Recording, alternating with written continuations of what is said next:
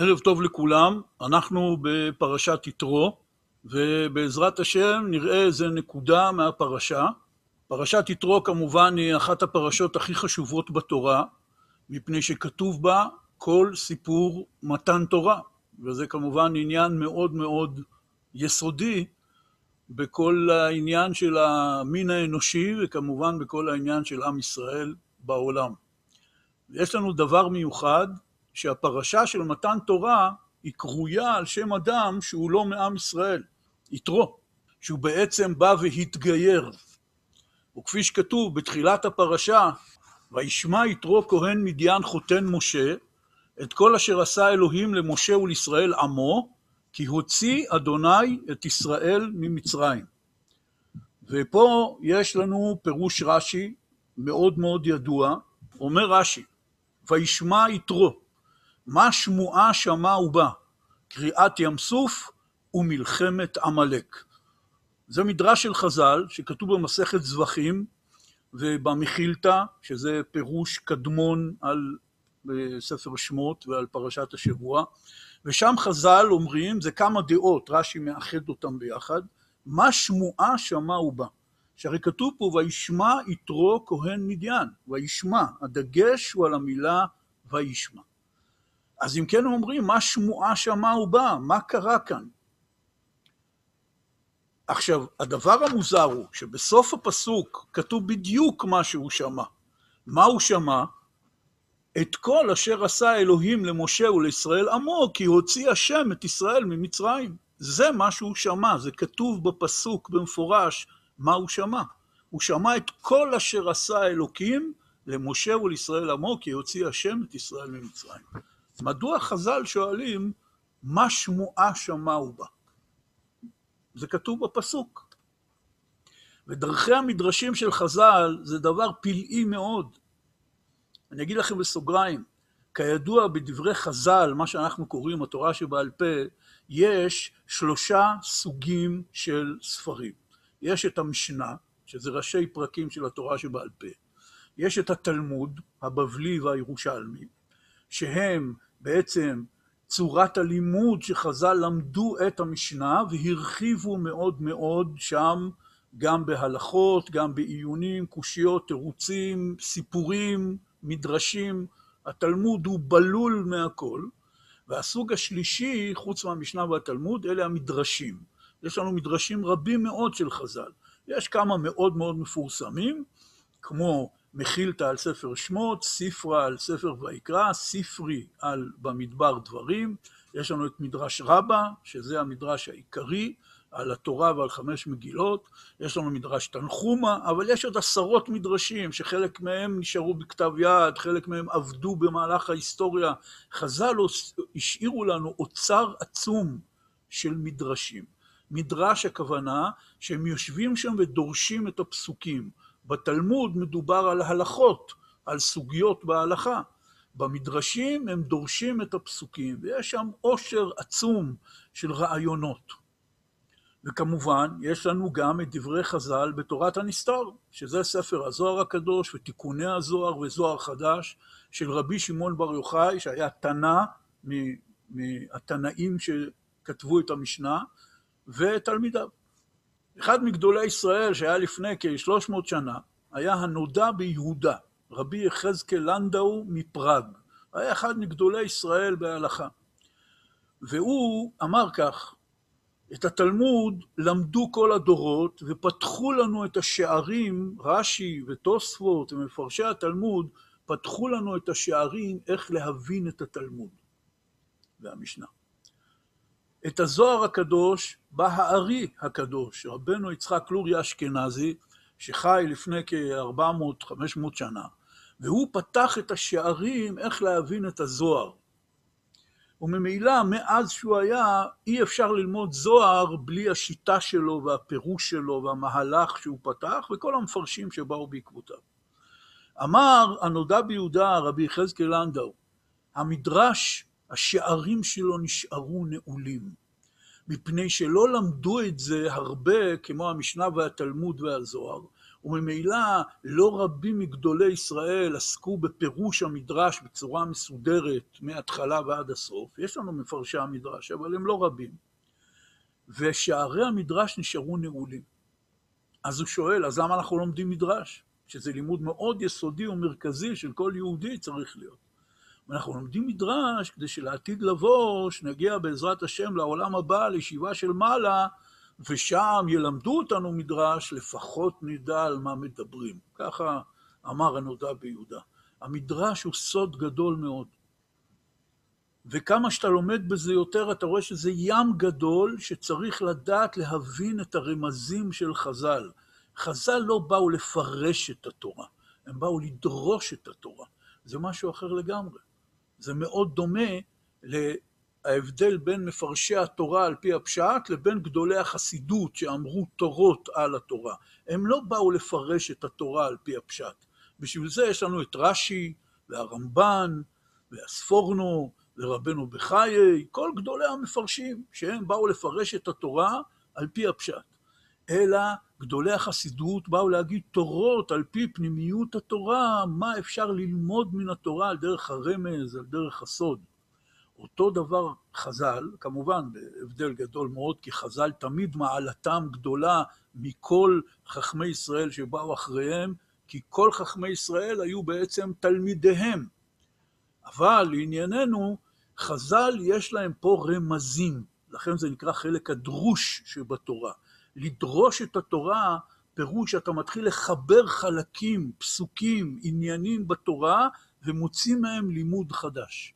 וכל מה שחז"ל אמרו, למרות שבתוך המדרש, כמו בתלמוד, יש דעות שונות בין חז"ל, אחד אומר כך, אחד אומר אחרת, אבל כולם דברי אלוקים חיים, כולם הם עוד פנים מתוך השבעים פנים של תורה, שהם באים לגלות לנו איזה סוד. ולכן כאשר אדם לומד תורה, ואני מעריך בזה מפני שאנחנו בפרשת מתן תורה, וכמובן שפרשת מתן תורה, היסוד הגדול שלנו זה לחזק מחדש את ידיעתנו ואמונתנו, שהתורה שבכתב, התורה שבעל פה, הם ירדו כרוכות מן השמיים. בלי התורה שבעל פה אין תורה שבכתב. אנחנו לומדים פסוק ולא יודעים מה כתוב שם. לדוגמה, כאשר התורה מצווה עלינו וזה כתוב כבר בפרשת בו שלמדנו לפני שבועיים, על התפילין. וקשרתם לאות על ידיך ויהיו לטוטפות בין עיניך. אין לנו שום מושג מה הכוונה למעשה.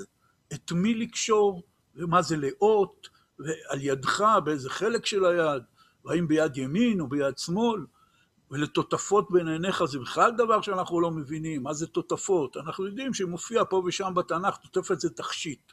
איך שמים את זה? במה אורזים את הדברים? על מה כותבים אותם? כמובן שבלי פרטי פרטים של תורה שבעל פה, אין לנו שום אפשרות לקיים בכלל את מצוות התפילין. אבל אנחנו הרי דורות על גבי דורות של קבלה בעל פה.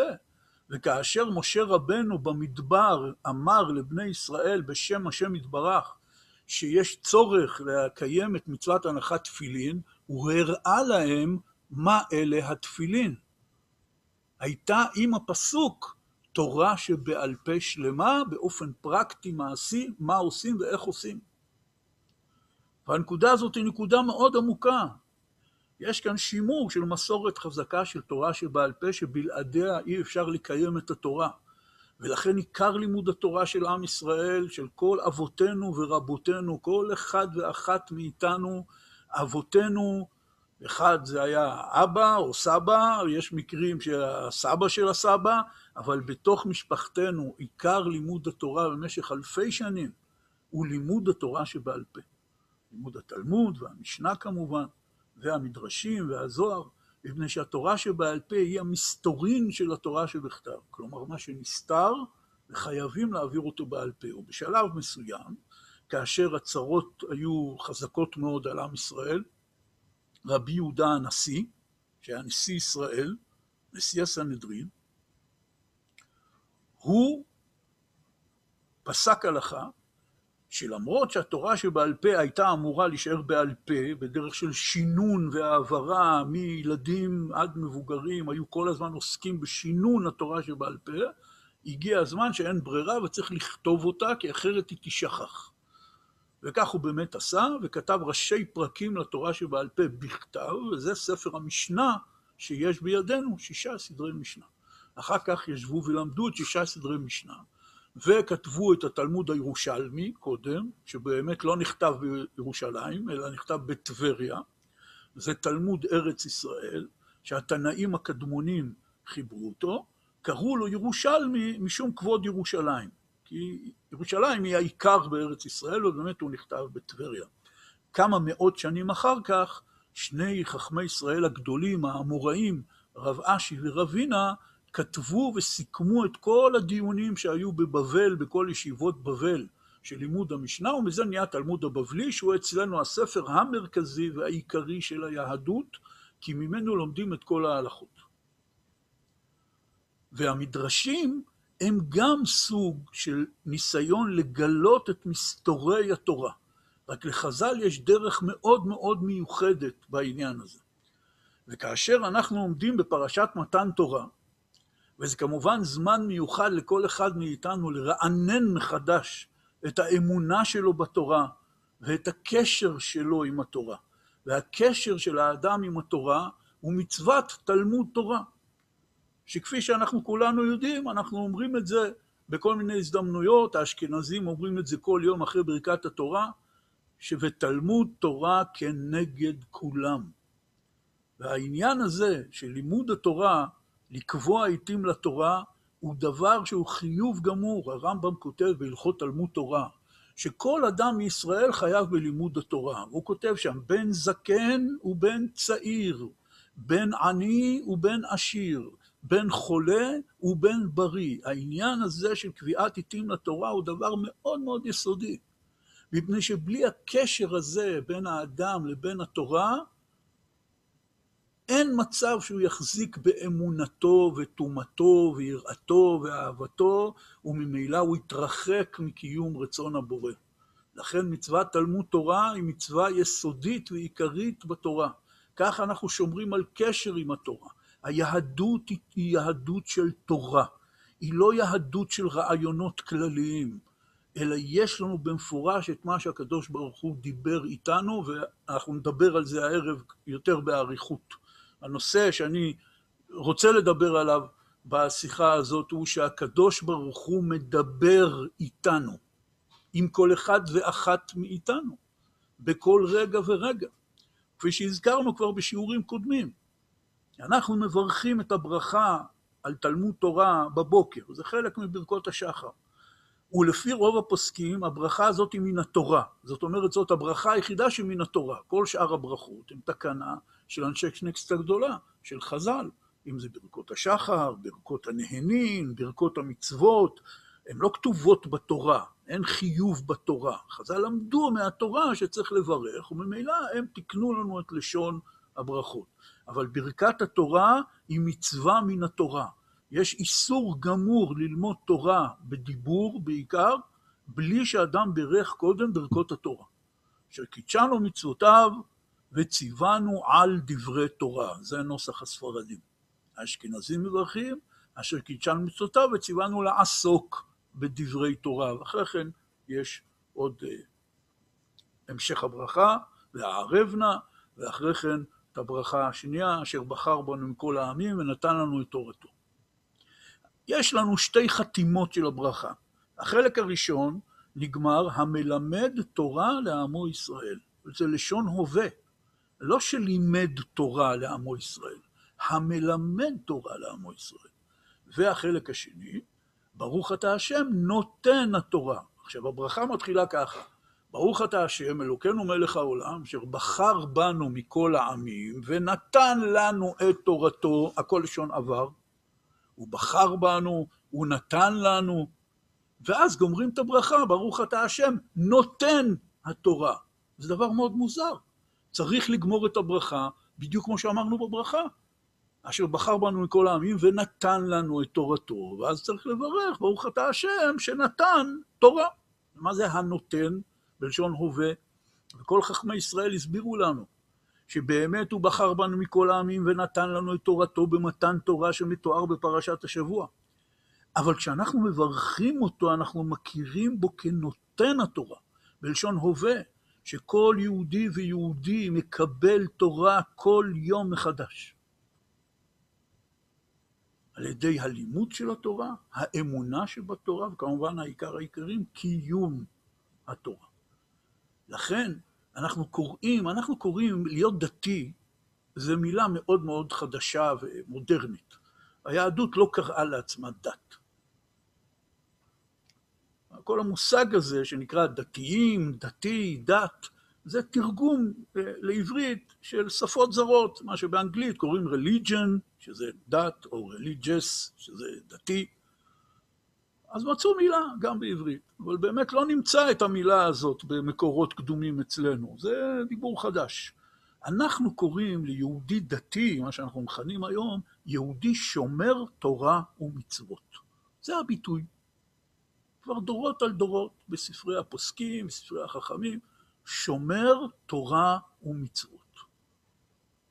שומר תורה, פירוש שומר את הקשר עם התורה, את הלימוד של התורה, ושומר מצוות, שומר לקיים את מצוות השם. וזה כל העניין שלנו. לכן הקשר שלנו עם התורה הוא צריך לבוא דרך לימוד. הוא צריך לבוא דרך לימוד, קודם כל כמובן, של התורה שבכתב, והוא צריך לבוא דרך לימוד של התורה שבעל פה. ומפני שכל אדם בעם ישראל מחויב בלימוד תורה, יש לנו מדרגות שונות בלימוד התורה, כי אנשים לא דומים אחד לשני. אחד יותר חכם, אחד יותר מוכשר, אחד יש לו יותר זמן ללמוד, אחד זכה לרבנים ומורים כאלה ואחרים.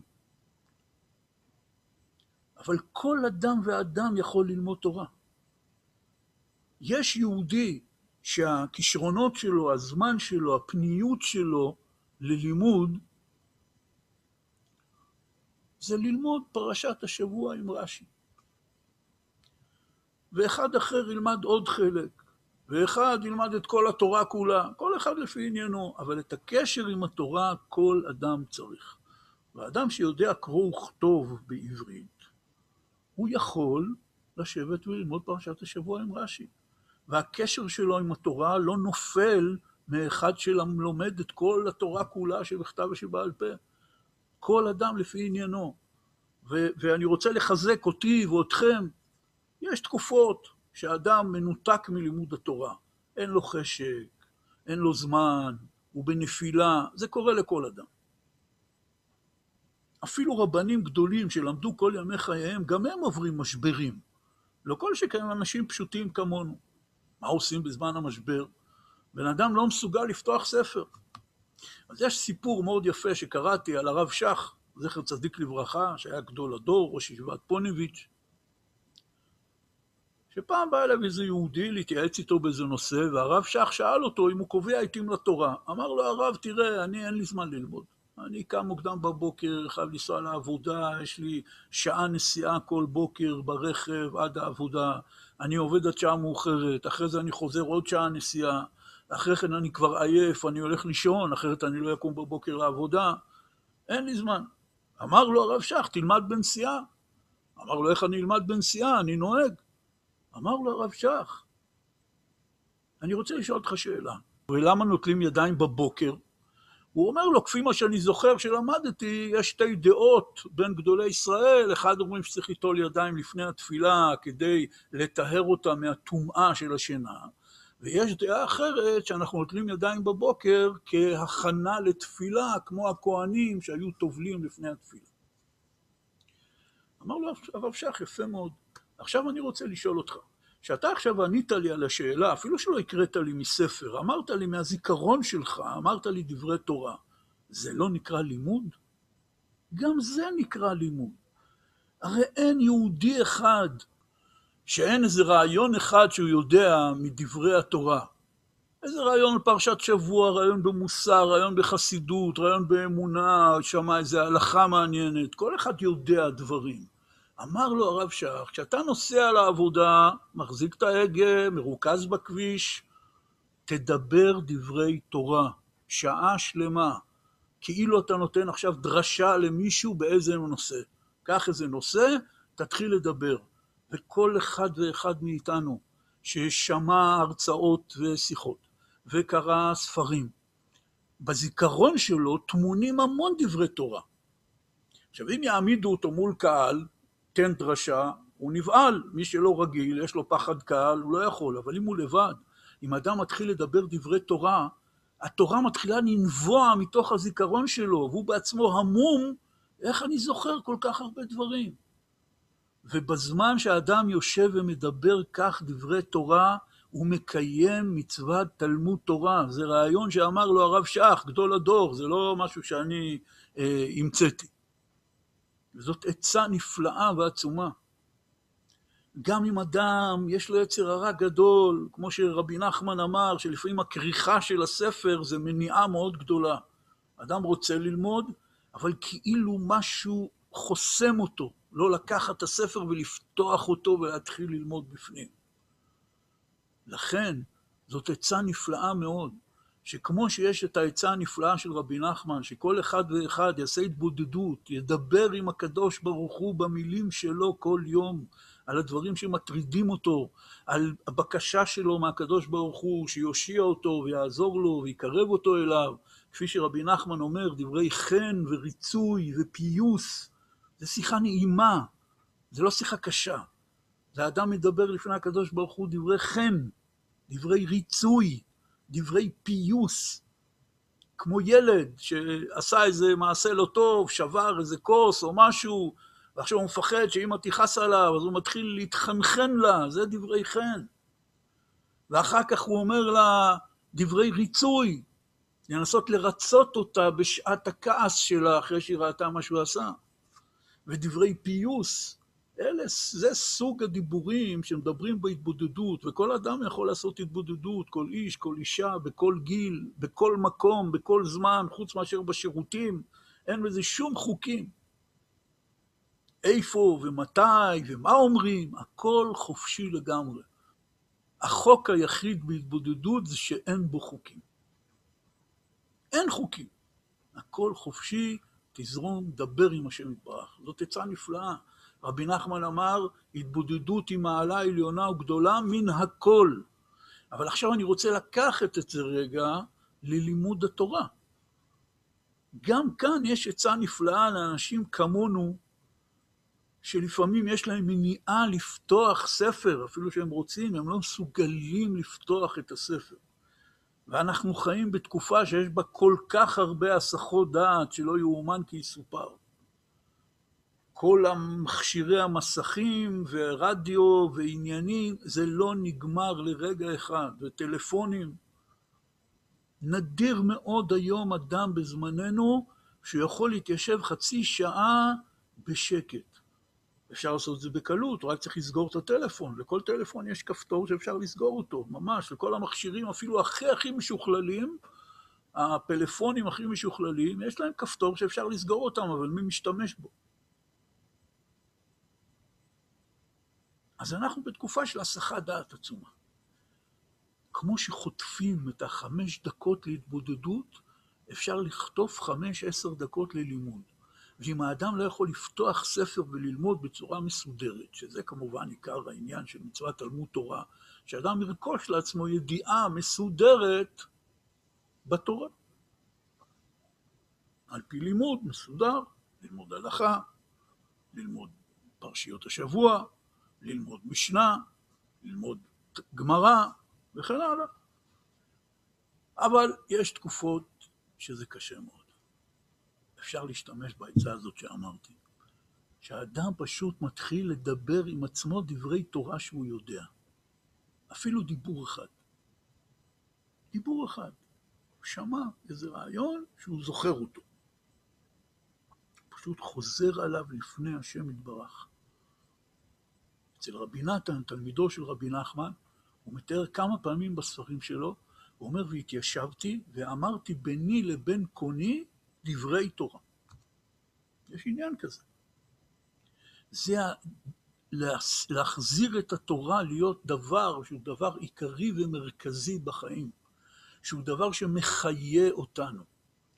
גם אדם במשבר הרוחני הכי גדול שלו, הוא מודה בזה שהיו לו רגעים וזמנים שבהם הוא שמע דברי תורה, למד דברי תורה, או חידש בעצמו דברי תורה, והתפעל מהם באופן עמוק ביותר. שהאדם פתאום מגלה שהתורה מאירה לו פנים, אין דבר יותר גדול מזה. רבי נחמן כותב בליקוטי מוהר"ן, כי יש נעימות בתורה, וזה העיקר, להרגיש את הנעימות שיש בתורה. זה דבר מעניין. אנחנו מחויבים ללמוד תורה גם אם זה לא נעים לנו. יש מצווה כזאת, ללמוד תורה, וזהו. בלימוד התורה יש נקודה מיוחדת של נעימות שצריך לחפש. ואנחנו יודעים את זה מברכות התורה. כי אנחנו מבקשים בברכות התורה, והערב נא השם אלוקינו, דברי תורתך, בפינו, ובפי כל עמך בית ישראל. מה פירוש המילה והערב? פירוש המילה והערב היא ערבות, מתיקות. התרגום של מה שאנחנו אומרים יום-יום בברכת התורה. אנחנו אומרים, ברוך אתה השם אלוקינו מלך העולם, שציווה עלינו ללמוד תורה. ואז מבקשים, והערב נא השם אלוקינו את דברי תורתך בפינו. אתה ציווית אותנו ללמוד תורה, אנחנו מבקשים ממך ש, שדברי התורה יהיו ערבים בפינו. עכשיו, זה דבר מוזר. אין שום מצווה בתורה שבברכה עליה יש תפילה כזאת. זה כמו שיהיה ברכה אשר קידשנו מצוותיו וציוונו להניח תפילין. ואנה תעשה שיהיה לי נעים להניח תפילין. אין כזאת תפילה. אני מניח תפילין, כי השם יתברך ציווה עליי להניח תפילין. ובעזרת השם אני מקווה מאוד שתהיה מצווה תהיה לי מתוקה ונעימה, אבל זה לא עניין כזה יסודי שמכניסים אותו בתוך לשון הברכה. אבל בלימוד התורה אנחנו מבקשים מפורש, והערב נא השם אלוקינו דברי תורתך בפינו. שיהיה לנו מתוק, שיהיה לנו נעים. מדוע? כי זה עיקר הקשר בין היהודי לבוראו. והקשר בין היהודי לבוראו צריך להיות קשר של מתיקות. הוא צריך להיות קשר של נעימות. הדבר הראשון שכל אדם דתי צריך לברר לעצמו, וממילא אחר כך לילדיו שהוא מחנך אותם, שלהיות דתי זה לא עונש. כפי שיש שיר מפורסם של עד איראן, איזה כיף להיות יהודי. זה לא איזה מין רעיון ברסלבי כזה חמוד, לא? והערב נא השם אלוקינו את דברי תורתך בפינו. זאת הבקשה הראשונה שאנחנו מבקשים ביום. שהרי יהודי קם בבוקר, היום לפי הסדר המקובל, מברך נטילת ידיים, מברך אשר יצר על השירותים, אומר אלוקיי נשמה שנתת בי טהוריי וכולי וכולי, ואז הוא מברך ברכת התורה. ולפי מנהג הספרדים, אחרי כל ברכות השחר הוא מברך ברכת התורה. מה העניין פה? כל ברכות השחר הן ברכות של תיאור של איזה עניין. התפילה הראשונה שאנחנו מוציאים מהפה כל יום, זה בברכת התורה, שמבקשים מהקדוש ברוך הוא משהו. והערב נא השם אלוקינו דברי תורתך, וזאת ברכה מן התורה, כפי שאמרתי קודם, לא כמו שאר הברכות שהן רק מדי רבנן, תקנה של חז"ל.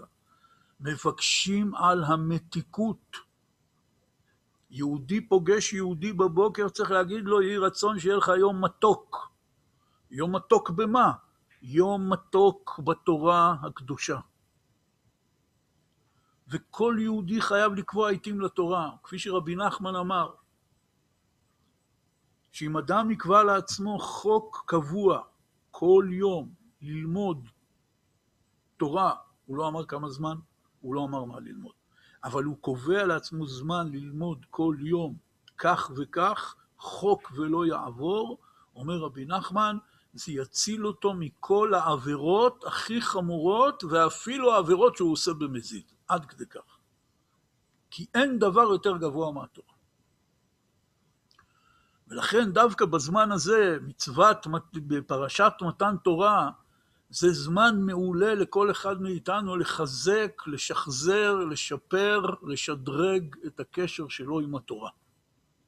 אחד הדברים הכי נפלאים, שכולנו יכולים לעשות מחר, ערב שבת, או בשבת קודש, בכלל לימוד בשבת קודש הוא דבר שמעלתו ממש לאין שיעור. ללמוד את עשרת הדיברות כמו שצריך, עם איזה ספר שמבאר בדיוק את פרטי המצוות, כמו ספר החינוך בפרשת יתרו, או בספר המצוות של הרמב"ם, או בספרים אחרים. לחדש את הקשר מחדש. נחזור חזרה לעניין של המדרשים בפסוק הראשון בפרשת השבוע. בפסוק כתוב שיתרו שמע את כל אשר עשה אלוקים למשה ולישראל עמו, כי הוציא השם את ישראל ממצרים. את זה מה שהוא שמע. פתאום באים חז"ל במחילתא, ורש"י מביא אותם על הפסוק, ואומרים, מה שמועה שמע ובא? יש אומרים קריעת ים סוף, יש אומרים מלחמת עמלק. וזאת שאלה. למה חז"ל צריכים למצוא איזה משהו, מה הוא שמע, כשזה כתוב במפורש בפסוק? כי הוציא השם את ישראל ממצרים, זה מה שהוא שמע. הייתה יציאת מצרים, עם ישראל היו עבדים, והקדוש ברוך הוא הוציא אותם ביד חזקה ובזרוע נטויה. מה הביא את חז"ל להגיד שהוא שמע באופן פרטי, הוא שמע באופן כללי על יציאת מצרים, אבל הדבר שהוא הדליק אותו, אז הוא קם והלך למשה, אל המדבר, זה קריאת ים סוף ומלחמת עמלק. מדוע? מסבירים המפרשים, קריאת ים סוף זה היה אירוע כלל עולמי. הטבע כולו השתנה בכל העולם. וגם במלחמת עמלק. במלחמת עמלק כתוב, וידי משה כבדים ויקחו אבן וישימו תחתיו וישב עליה ואהרון וכו' תמכו בידיו מזה אחד ומזה אחד ויהי ידיו אמונה עד בוא השמש. מה העניין פה? למה התורה מדגישה עד בועת שמש? מפרש רש"י שהיו עמלקים מחשבים את השעות באצטרולוגיה באיזו שעה הם נוצחים, והעמיד להם משה חמה וערבב את השעות. זה מדרש של חז"ל במדרש תנחומה. הייתה מלחמת עמלק, משה רבנו יושב על הגבעה, ידיו אמונה, פרוסות בתפילה, מתרגם אונקלוס, כפי שהפסוק אומר, שכשמשה הוריד את הידיים, עמלק היו מנצחים. כשהיה מרים את הידיים חזרה, ישראל היו מנצחים. שואלים חז"ל במסכת ראש השנה, וכי ידיו של משה עושות מלחמה, מה זה, זה הוקוס פוקוס פה? שהוא מרים ידיים ישראל מנצחים, שהוא מוריד ידיים עמלק מנצחים? אלא אומרים חז"ל, כשידיו היו לשמיים בתפילה, אז ישראל היו נושאים את עיניהם אל אביהם שבשמיים, ואז הם היו מנצחים. כאשר הוא מוריד את הידיים והיה נחלש, האמונה והתפילה, הם היו מפסידים. אבל בכל מקרה, מה מביא לנו פה רש"י ממדרש תנחומה במלחמת עמלק? הוא מביא את העניין הזה שהעמלקים חישבו על פי אצטרולוגיה את השעות של היום, מתי הם מנצחים. היו מחשבים גדולים. משה בלבל אותם, ערבב להם את השעות, כי הוא העמיד את החמה. כמו שהיה אחר כך עם יהושע. המלחמות שלו, שמן בגבעון דום וירח בעמק איילון. היה פה שינוי הטבע עולמי. יתרו שמע על זה. קריעת ים סוף היה שינוי הטבע עולמי. הוא הבין שיש כאן משהו יוצא מגדר הרגיל. זה שהיו עשר המכות ויצאו ממצרים, אומרים המפרשים, אז בסדר, זה אירוע נקודתי לעם ישראל להוציא אותו. אבל כשהוא ראה שהעניין הוא שכל הטבע משתנה לכבוד עם ישראל, הוא הבין שיש כאן עניין גדול שצריך לבוא לבדוק אותו. הוא באמת בא, בדק, התגייר, לצורך העניין. עכשיו הם שואלים שאלה אחרת, מה זה וישמע יתרו? כל העולם שמע. מאיפה אנחנו יודעים? פרשת בלק. בלק קורא לבלעם, אומר לו, עם ישראל עלה ממצרים והוא מצליח בכל מלחמותיו, והוא מפחיד אותי, בוא תעזור לי לקלל אותו שהוא לא יכבוש אותי. זאת אומרת, זו הייתה שמועה ידועה, בכל החדשות דיברו מזה. בכל העמים, בכל העולם. יש פה איזה עם מיוחד. שאלוקיו, שהוא אין לו גוף ואין לו דמות הגוף, לעומת כל עובדי האלילים, הוציא אותם ממצרים, המעצמה הכי חזקה שהייתה, באותות ובמופתים ובזרוע נטויה, שמעו על קריעת ים סוף, שמעו על הניצחון על עמלק. אז מה זה וישמע יתרו? כולם שמעו, אבל זה בדיוק כמו אצלנו, רבותיי. במיוחד בתקופה הזאת שאנחנו נמצאים בתקופת הקורונה, כולנו שומעים חדשות. וכולם מעודכנים, נכון? המצב שאנשים מדברים, אומר, שמעת שככה וככה? אומר לו, כן, בטח, שמעתי. והוא שמע את זה באמצעי תקשורת אחד, ההוא בשני, לפחות, לפעמים אחד יש לו איזה פרט שהשני לא יודע, אבל כולם שומעים הכל וכולם יודעים הכל. הבעיה שאנחנו לא שומעים. כל העולם שמע מה קרה במצרים, מה קרה בקריעת ים סוף, מה קרה עם עם ישראל. כולם שמעו במובן של שמעו חדשות. יתרו שמע את הקול הפנימי שמדבר כאן. הוא הבין את המשמעות. יש אחד שיודע מה שמעו, יש אחד שיודע מה המשמעות של מה ששמעו. הקדוש ברוך הוא מדבר איתנו כל הזמן בלי הפסקה. הוא מדבר אלינו דרך מאורעות העולם, הוא מדבר אלינו דרך המאורעות שקורים לנו, הוא מדבר איתנו דרך התורה שאנחנו לומדים, דרך אפילו שיחות חולין שאנשים מדברים איתנו. רבי נחמן יש לו על זה כמה תורות, ביניהם תורה נ"ד, שאומר שם רבי נחמן בליקוטי מוהר"ן, שכל אדם, הקדוש ברוך הוא מרמז לו רמזים בכל יום כדי שיתקרב אליו. במאורעות שעוברים עליו, בדיבורים שהוא שומע, בכל ההיתקלויות שלו עם אנשים, הקדוש ברוך הוא כל הזמן מדבר איתך. אנחנו לא שומעים, כי אנחנו שומעים רק חדשות. אנחנו יודעים מה קרה, אנחנו לא שמים לב למשמעות של הדברים. כמובן שיש עניין שצריך לדעת מה המשמעות, איך מגלים אותה, אבל קודם כל בכלל צריך לשמוע. ידוע מאוד שיש מאמר חז"ל, שחז"ל אומרים, שזה גם קשור כמובן לפרשת השבוע, בכל יום ויום יוצאת בת קול מהר חורב. מה זה הר חורב? הר סיני. מה זה בת קול? זה כאילו מתן תורה קטן, ומתן תורה, כל העם רואים את הקולות, והקדוש ברוך הוא מדבר אל עם ישראל. אבל בכל יום ויום אומרים חז"ל, יוצאת בת קול מהר חורב ואומרת, שובו בנים שובבים. שאלו המפרשים, יש דיבור מפורסם כזה בשם הבעל שם טוב. אם אף אחד לא שומע את זה, אז בשביל מה הבת קול יוצאת? מי מאיתנו יכול לבוא ולהגיד לך, כן, אני שומע את הבת קול יום-יום שיוצאת מהר חורב ואומרת כך וכך. אף אחד לא שומע את זה. אז למה צריך שהיא תצא? אם אף אחד ממילא לא שומע. והסבירו הצדיקים, הבת קול זה לא עכשיו כמו איזה רמקול, מערכת כריזה, שאומרת איזה פסוק או איזה עניין. הבת קול היא כל הזמן מדברת אל האדם בלב שלו, במוח שלו, דרך המאורעות שקוראים לו. הקדוש ברוך הוא מדבר איתנו, רומז לנו רמזים. ואם הבת קול הזאת יוצאת ואומרת לנו, תעשו תשובה, כנראה שאפשר לשמוע אותה, לא לשמוע אותה כמערכת כריזה של אדם שלא נדע שומע קולות בראש, אלא באופן כזה שאדם מתבונן במה שעובר עליו ושם לב למה שעובר עליו. וכל אדם שישים לב למה שעובר עליו, ורבי נחמן מאוד מזהיר, שצריך לעשות את זה במידה. לא להתחיל להשתגע, להיות איזה מין מיסטיקן כזה, שכל רגע הוא רואה משהו והוא מחליט שיש לו פה רמז מהשמיים. אלא להתבונן בזה בצורה הגיונית, בצורה של תבונה, לנסות להבין מה קורה פה ומה הרמז. מסופר על אחד מגדולי המשגיחים בישיבות בדור שלפנינו, רבי אליהו לפיאן, היה משגיח של ישיבה בכפר חסידים.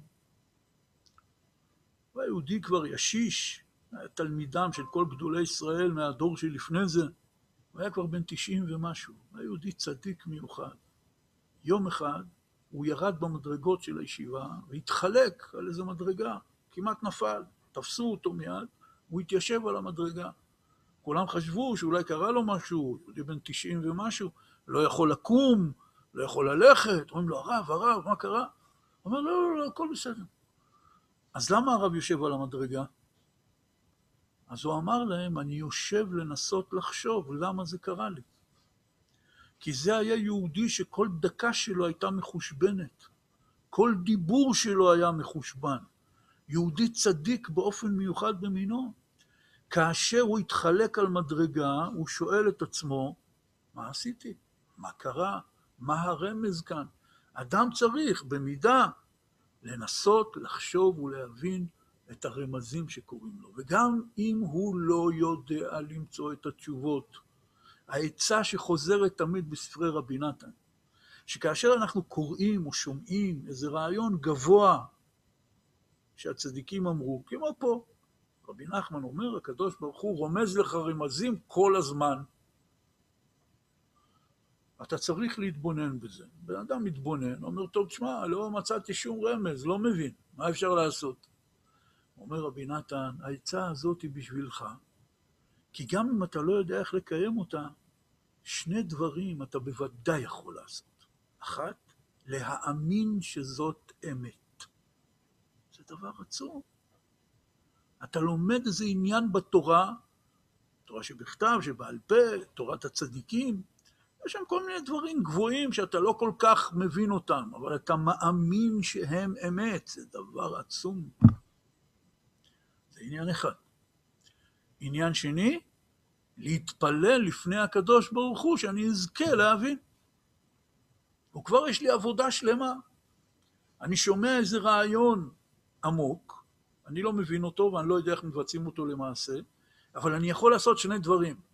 להאמין שזאת אמת ולהתפלל לזכות לזה. זאת עבודת השם. זאת הבחירה האמיתית של האדם, שהרי הרבה פעמים אומרים לנו שיש בחירה חופשית, והרמב"ם אומר שזה ממש יסוד התורה והמצווה, להאמין באמונה שלמה שיש לנו בחירה חופשית, ועל פי הבחירה שלנו מקבלים שכר, ולפעמים גם הפך השכר, אם בחרתי לא טוב. רבי נחמן אומר, בחירה זה פירוש אם רוצה עושה, אם לא רוצה לא עושה, כפשוטו. רק מה הבעיה? שלפעמים קשה לי לייצר בתוך עצמי את האי רצון. יש איזו תאווה שעומדת מולי, ואם אני ארצה אני אעשה אותה, ואז אני בוחר ברע, ואם אני לא ארצה אני אמנע ממנה, ואז אני בוחר בטוב. הבעיה שאני לא מצליח לייצר את הרצון החזק שעומד ואומר לא, שזאת כל עבודת האדם. לדעת להגיד לא לדברים השליליים. וכולנו מכירים את זה מהחיים, בלי שום קשר לתורה ומצוות, שאדם צריך לשמור על דיאטה מסוימת, על תזונה מסוימת, אסור לו לאכול עוגות שוקולד, והוא יודע שהוא לא צריך לאכול, וזה ברור לו שעל פי הבריאות זה ממש לא טוב לו, ומה שלא יהיה, אבל לפעמים הוא לא מצליח להתגבר. הוא לא מצליח לייצר את הלא. אז מה עושים? אז איפה הבחירה? האדם פתאום רואה שהוא כל הזמן משועבד אוטומטית לכל מיני דברים, לכעס, לחולשה, לתאווה, להתמכרות, בלי סוף דברים לכל אחד ואחד מאיתנו. אז אומר, אז איפה הבחירה? אומר רבי נתן, הבחירה היא שאתה עדיין יכול לצעוק על זה אומר רבי נתן, כאשר היצר הרע גונב אותך, גונב את הזמן שלך, גונב את הסביבה שלך, לפעמים אין לך כוח לעמוד בפניו. אבל למחות בו, אתה יכול. למחות בו אתה יכול. וזה אומר שאפילו אם אני לא מצליח להתגבר על השעבודים שלי, על ההתמכרויות שלי, אסור לי להתייאש מדבר אחד. למחות ולדבר לפני הקדוש ברוך הוא ולהגיד, ריבונו של עולם, אני לא רוצה את זה, אני לא הצלחתי להתגבר על זה, אבל אני לא רוצה את זה, וזה דבר ענק. ועל הבחירה הזאת אין שום מניעה. אדם שמכור לתאוות מסוימות, למידות רעות, לעניינים מזיקים, אז באמת אולי רוב הזמן, חלק גדול מהזמן, הוא לא מסוגל להתגבר. אז הוא עושה את זה. אומר רבי נתן, אבל לפחות תבחר בטוב, שלפחות תדבר על זה לפני הקדוש ברוך הוא. כל יום, בסוף היום, תעשה חשבון נפש. תגיד, ריבונו של עולם, היום כמה וכמה פעמים נתת לי הזדמנויות להתגבר על הרע, ואני נכשלתי. אבל אני רוצה לעשות תשובה, ואני לא רוצה את הרע הזה. אם כן, הבחירה היא לפחות להתפלל על זה ולצעוק על זה. זה, זה בחירה. שני הדברים שאנחנו יכולים לעשות כאשר אנחנו שומעים כל מיני הדרכות בתורה שהן מעל למדרגתנו, או לפחות נדמה לנו שהן מעל למדרגתנו, זה להאמין שהן אמת, ולבקש מהקדוש ברוך הוא שנזכה להבין. אבל העניין הזה שהקדוש ברוך הוא כל הזמן מדבר אלינו, זה יסוד מוסד. הבריאה מדברת אלינו כל הזמן ברמזים. יש אנשים שזה עובר להם ליד האוזן, ויש אנשים ששומעים. והפרשה של מתן תורה, רבותיי, תשימו לב, הפרשה של מתן תורה מתחילה במילה וישמע. קוראים לה יתרו. אבל באמת המילה הראשונה היא וישמע. יושב לו אדם, לא מעם ישראל, כהן לעבודה זרה, כפי שהוא אומר בהתחלת הפרשה, עתה ידעתי כי השם הוא האלוקים, אומרים חז"ל, מה זה עתה ידעתי, עכשיו אני יודע, אומרים חז"ל שלא הייתה עבודה זרה אחת בעולם שהוא לא עבד. הוא חיפש את האמת, והוא עבר מעבודה זרה לעבודה זרה, ולא נחה נפשו, לא מצא את האמת. המשיך לחפש עד שהוא שמע מהקדוש ברוך הוא, מעם ישראל, מצאתי את האלוקים שלי. סוף סוף. זה אדם שהיה הכי רחוק שאפשר מהקדוש ברוך הוא ומהתורה. כי הוא היה כהן לעבודה זרה. כפי שהוא מתואר כשמשה רבנו פגש אותו. יתרו כהן מדיין. מה זה כהן מדיין? האפיפיור של מדיין. כהן למה? לעבודות זרות. מה הם עבדו? עבודה זרה. האדם הכי רחוק, הוא שמע וישמע. פרשת מתן תורה מתחילה בזה שאדם צריך לשמוע את מה שהקדוש ברוך הוא מדבר איתו בעולם. אם זה דרך חדשות רחוקות, כמו שיתרו שמע, קריעת ים סוף, מלחמת עמלק, שמע אירועים, דיווחו בחדשות מה קורה במקום מסוים, כמו שכולנו שומעים חדשות בלי הפסק. אבל הוא ידע לשמוע. ובזה מתחילה פרשת מתן תורה. תתחיל להיות קשוב לנוכחות של הקדוש ברוך הוא בעולם. כי הקדוש ברוך הוא מדבר איתך. אבל איך אני אדע מה הוא אומר לי? דרך התורה. כאשר האדם לומד תורה, אני חוזר שוב, בין איש ובין אישה, כל אחד לפי המדרגה שלו, לפי הרמה שלו, יכול למצוא איזה חלק בתורה ללמוד. וכל שכן בימינו, שיש הקלטות ודרשות וספרים מתורגמים, מנוקדים, מפורשים, מבוארים, באמת, אנחנו חיים בדור מיוחד במינו. לפני עשרים שנה, שלושים, ארבעים שנה, לא היה את כל הספרים האלה המנוקדים, המתורגמים, המבוארים. לא כל שכן שלא היה כזה עושר של שיעורי תורה בכל חלק בתורה, שאדם נגיש לכל אחד. אפילו כשהמציאו את ההקלטות, הכל היה על קסטות בהתחלה, אחר כך על דיסקים, היית צריך ללכת להשיג את זה, היום לכולם זה זמין, ברשת, שולחים אחד לשני, במכשירים. באמת, נפתחו לנו שערי לימוד תורה. אין חלק אחד בתורה שאדם לא יכול למצוא ספר מנוקד, מבואר, מתורגם, מפורש. זה לא היה לפני עשר שנים אפילו, לא כל שכן עשרים ושלושים שנה, לא היה את הדברים האלה. אדם היה לוקח ספר מחלקי התורה, היה בפניו כספר החתום. אם אולי היה מוצא איזה רב שילמד אותו, הוא לא יכול להבין. היום הכל כתוב ומתורגם ומבואר. לכן הנקודה הזאת, כאשר אדם יוצר קשר עם התורה, וזה הזמן, שבת מתן תורה, שקוראים את עשרת הדיברות, לייצר קשר חדש עם התורה, עיקר העניין הוא שהאדם קודם כל ילמד. בפועל, יקבע לעצמו ללמוד איזשהו חלק בתורה, איזשהו ספר בתורה, שהוא מבין אותו, שזה לפי הרמה שלו, ואם הוא ישקיע, לאט לאט הרמה שלו תעלה. מה שהוא לא הבין אתמול, הוא יבין עוד חודש, ואז הוא ממשיך הלאה ומתקדם. יש כאלה אפשרויות ללימוד התורה היום, דרך הטלפון, באינטרנט, בלי סוף. הקלטות, הסברים, שיעורים, על כל ספר שרק אפשר למצוא, בכל חלקי התורה. ברגע שהאדם קובע לעצמו עת קבועה, כל יום, זה יכול להיות כמה דקות, אם הוא לא יכול אחרת. לדבר לפני השם יתברך, מה שנקרא לעשות התבודדות, וכמה דקות ביום הוא קובע לעצמו לשבת וללמוד, זה דבר עצמי.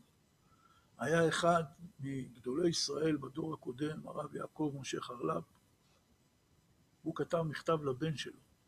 הבן שלו היה רב אב בית דין בארצות הברית. והרב חרל"פ היה גר בירושלים.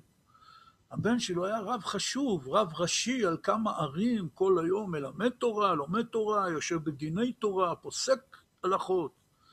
הוא כותב לבן שלו במכתב, בני היקר, אני מבקש ממך דבר אחד שתקבל על עצמך, למרות שאני יודע שזה יראה לך משונה שאני כותב לך את זה, אבל אני מבקש שתשמע לי מצד מצוות כיבוד אב. אני רוצה שתקבל עליך שכל יום אתה לומד חמש דקות וכל לילה חמש דקות. עכשיו, לכאורה זה מוזר, הבן שלו יושב לומד כל היום. אלא הוא מסביר לו, הוא אומר לו, אפילו אדם שלומד כל היום, יש לו תקופות בחיים של טרדה גדולה, שכל מיני עניינים, לא יודע מה, אשתו ילדה, הבן שלו מתחתן, יש ימים כאלה שבהם האדם לא יכול ללמוד, אין לו זמן. הוא אומר, אני רוצה שכל יום מימי חייך, וכל לילה מימי חייך, אתה תתחיל אותו בחמש דקות לימוד. אחרי זה תמשיך כמה שעות על גבי שעות. החמש דקות לימוד. וזה דבר שכל אחד מאיתנו יכול לעשות.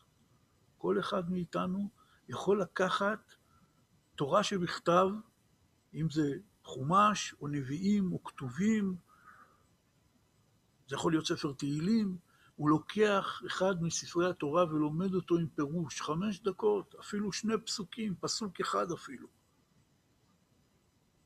כדאי מאוד שלכל אחד מאיתנו יהיה לו חומש עם רש"י זמין ותהילים עם רש"י זמין. תלמד כל יום מחומש עם רש"י, מתהילים עם רש"י, זה פשוט גן עדן כאן בעולם הזה, להרגיש את הנעימות של התורה, שרבי נחמן אמר שזה העיקר, להרגיש את הנעימות של התורה. חמש דקות ביום, חמש דקות בלילה. כמובן לא אומרים תלמד חמש דקות, אחרי זה אתה פטור. לא, תלמד חמש שעות, אם יש לך זמן. אבל תתחיל מההתחלה בחמש דקות. כי זה דבר סביר. חמש דקות זה לא הרבה זמן. אדם הולך, ממלא מים בקומקום, לוחץ על הכפתור, כשהמים יתחממו, חוזר חזרה למקום, עד שהמים רותחים, זה כבר עובר כמה דקות, מחכה עוד כמה דקות, כלומר, בדרך לעשות קפה אפשר ללמוד תורה חמש דקות. וצריך להאמין שזה דבר גדול.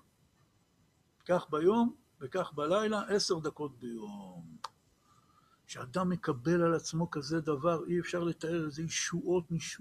אה, מושפעות עליו מן השמיים. וכפי שרבי נחמן אמר מפורש, שמי שקובע לעצמו את הדבר הזה, הוא יצליח להינצל מכל העבירות, אפילו במזיד. זאת השיטה של רבי נחמן להינצל מעבירות. לקבוע עיתים לתורה. זה כתוב מפורש בשיחות הר"ן. וכמובן, יקבע לעצמו שבע דקות ביום של התבודדות. זה 17 דקות ביום, 10 דקות תורה, 7 דקות התבודדות. זה טוב דקות. טוב דקות, טוב בגימטריה 17. ככה מתחילים. תמיד מתחילים בקטן. כי 17 דקות זה כלום, מה זה 17 דקות? כמה פעמים ביום אנחנו מבזבזים 17 דקות? בלי סוף. שיחות טלפון, בכל מיני עיסוקים, בכל מיני שטויות. נתחיל להציל כמות מסוימת של דקות, כלומר 17 דקות זה רק הצעה שלי, סתם איזה רעיון, כל אדם יגנוב לעצמו דקות מהיום לחדש קשר עם התורה, זה חידוש קשר עם הקדוש ברוך הוא. ואז הוא מבין שהקדוש ברוך הוא מדבר איתו, הקדוש ברוך הוא רומז לו רמזים, הקדוש ברוך הוא קורא לו. איך אני אדע? על ידי לימוד התורה. ותן לקדוש ברוך הוא לנהל את העניינים. כל אדם יודע שאם הוא חי ככה, פתאום מחשבה שעברה לו בבוקר בראש, אז בדיוק מה שהוא למד בחמש דקות היומיות, בדיוק זה דיבר על זה. ואז בדיוק מישהו מדבר איתו ואומר לו, ואז הוא אומר לו, וואי, תראה, בדיוק היום חשבתי על זה, למדתי על זה. מה זה הבדיוק? הקדוש ברוך הוא מדייק פה את הדברים, מחבר פה את הדברים, יכול אדם להמשיך בחייו, אפילו אם לא חיי עבודת השם, אבל אם יש לו את הנקודה הזאת, הוא מכניס אלוקות בתוך החיים שלו.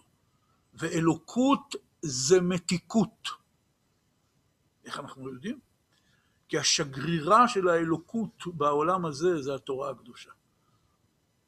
ועל התורה הקדושה אנחנו מבקשים, והערב נא השם אלוקינו דברי תורתך בפינו. מה זה והערב נא? והערב נא פירוש תעשה שזה יהיה לי טעים. כי אתם יודעים, יש מאכלים שלעצמם הם טעימים, אבל לפעמים לא בא לנו עליהם. ואז עושים איזה מרק שאני מאוד אוהב, או איזה עוגה מתוקה ונפלאה שאני מאוד אוהב. ואני מתחיל לאכול ולא בא לי, דוחף את הצלחת. אז מי שעשה את העוגה, הוא הגיש לי את העוגה, אומר, מה קרה? מה, זה לא טעים לך? מה, לא יודע, לא... אבל לא השתנה כלום, אתמול זללת את זה. לא יודע. אפילו שהמאכל כשלעצמו הוא מתוק וטעים, כרגע, איך אומרים, לא בא לי עליו. אין לי חשק אליו. מסתרי הנפש האנושית. ככה זה גם עם התורה להבדיל. התורה כשלעצמה יש בה נעימות, התורה היא מתוקה. תורת השם תמימה, משיבת נפש. כל מי שלמד תורה יודע שיש בלימוד התורה את הסגולה הנפלאה הזאת שהיא משיבה את נפשך, היא מחזירה לך את החיים, זה נקרא משיבת נפש. הנפש נחלשה, אדם לומד תורה, הנפש מתחזקת. או, קמתי לתחייה. אבל יש זמנים שזה לא קורה לי. איפה הבעיה? אצלי, לא בתורה. כי התורה אני יודע שהיא מתוקה ונעימה ומשיבת נפש. לכן אנחנו מבקשים והערב נא. תן לנו את המתיקות הזו, כדי שנלמד אותה, ניצמד אליה. ואז אנחנו נראה את הרמזים שאתה רומז לנו מתוך התורה, אנחנו נשמע אותך, כי פרשת מתן תורה מתחילה במילה וישמע יתרו. ודווקא בגלל זה פרשת מתן תורה נקראת על שמו. מדוע? אומר הזוהר הקדוש, שאי אפשר היה שיהיה מתן תורה עד שכבוד השם יתגלה בכל העולם, אפילו במקומות הכי רחוקים. אומר הזוהר הקדוש, מי היה המקום הכי רחוק? אדם בשם יתרו, היו לו עוד שמות, חובב וראואל, כי הוא היה הכהן הכי גדול בעולם לעבודה זרה. ואומר הזוהר, כאשר יתרו, דווקא יתרו, יתרו עם הדגשה, קו למטה, דווקא כאשר יתרו בא ואמר, עתה ידעתי כי השם הוא האלוקים, כל כך התעלה והתייקר כבודו ושמו של הקדוש ברוך הוא, שעכשיו היה אפשר לתת תורה. התורה ניתנת בזכות הכי רחוקים, וזה כל אחד מאיתנו. כל אחד מאיתנו.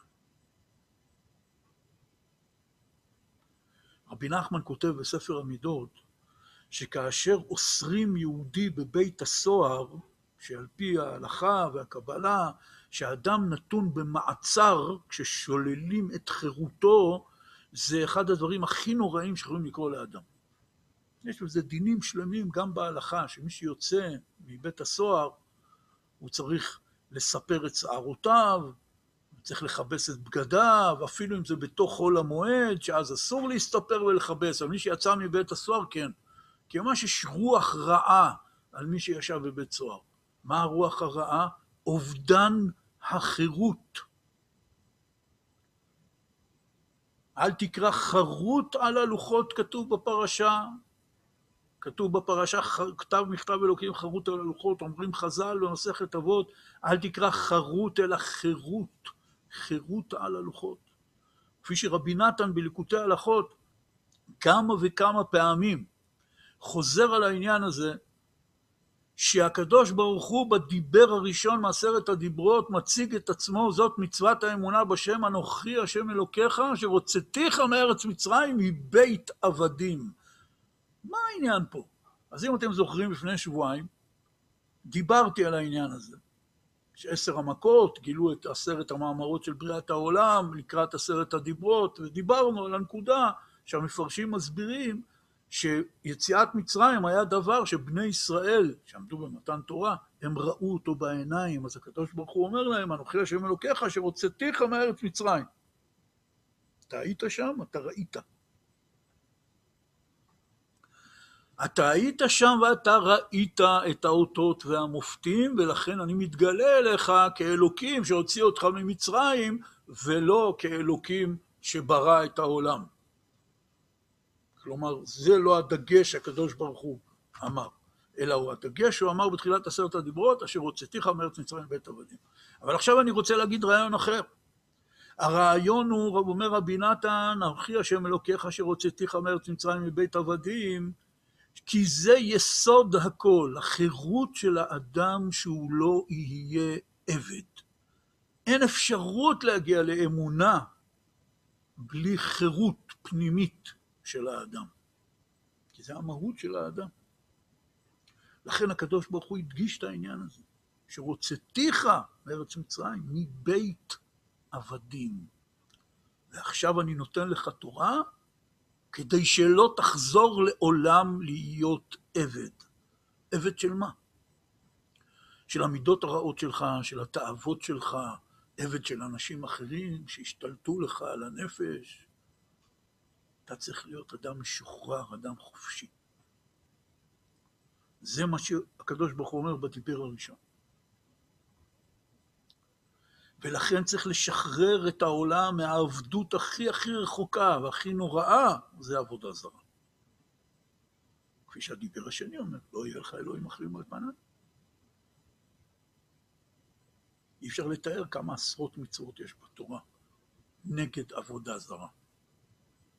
ואנחנו מצווים למות ולא לעבוד עבודה זרה אם מעמידים אותנו בניסיון. אחת משלוש המצוות שהם יהרג, הוא בא לעבוד. גילוי עריות, שפיכות דמים ועבודה זרה.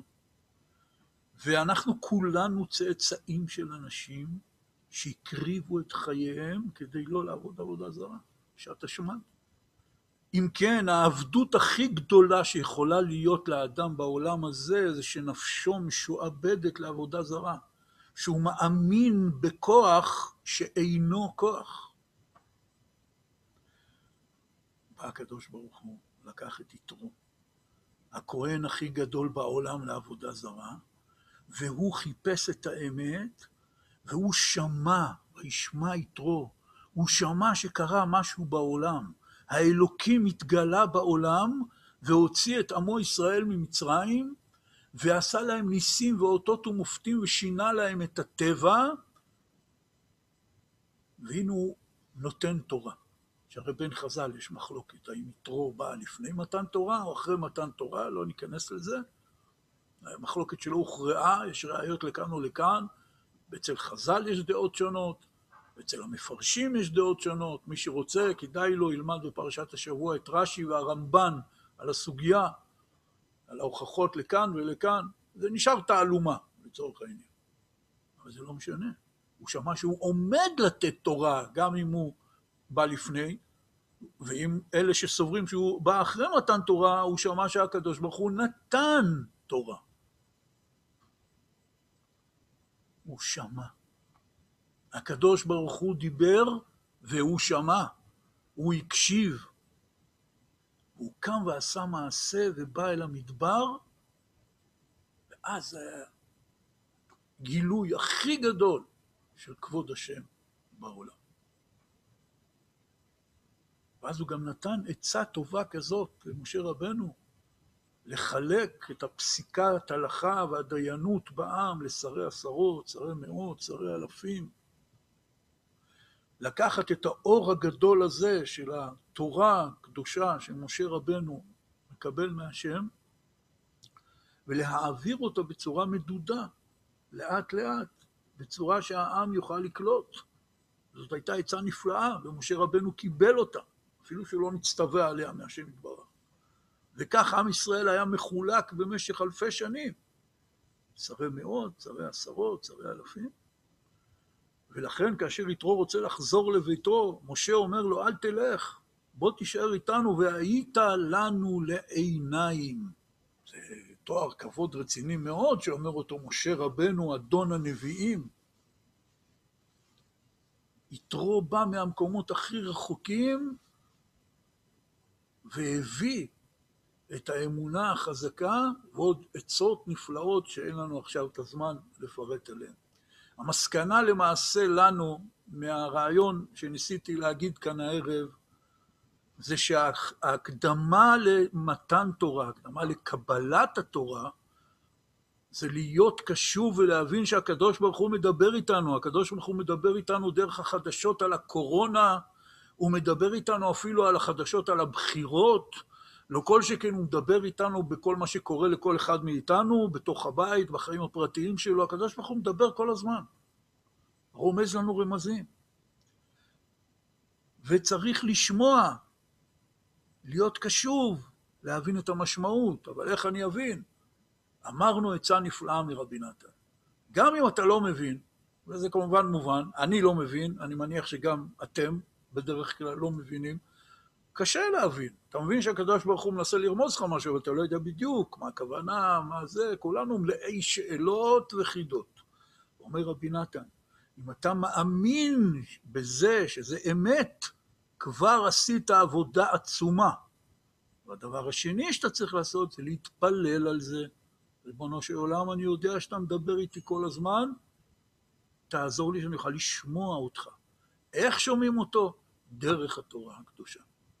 לקבוע עיתים לתורה כל איש וכל אישה במה ששייך להם, אם זה קודם כל לדעת הלכה, לקיים את המצוות כמו שצריך, אם זה בענייני מוסר וחסידות ואמונה והתחזקות, כל אחד יכול למצוא את הספר המתאים לו, וזה פירוש להיות יהודי, כי בתלמוד תורה כנגד כולם.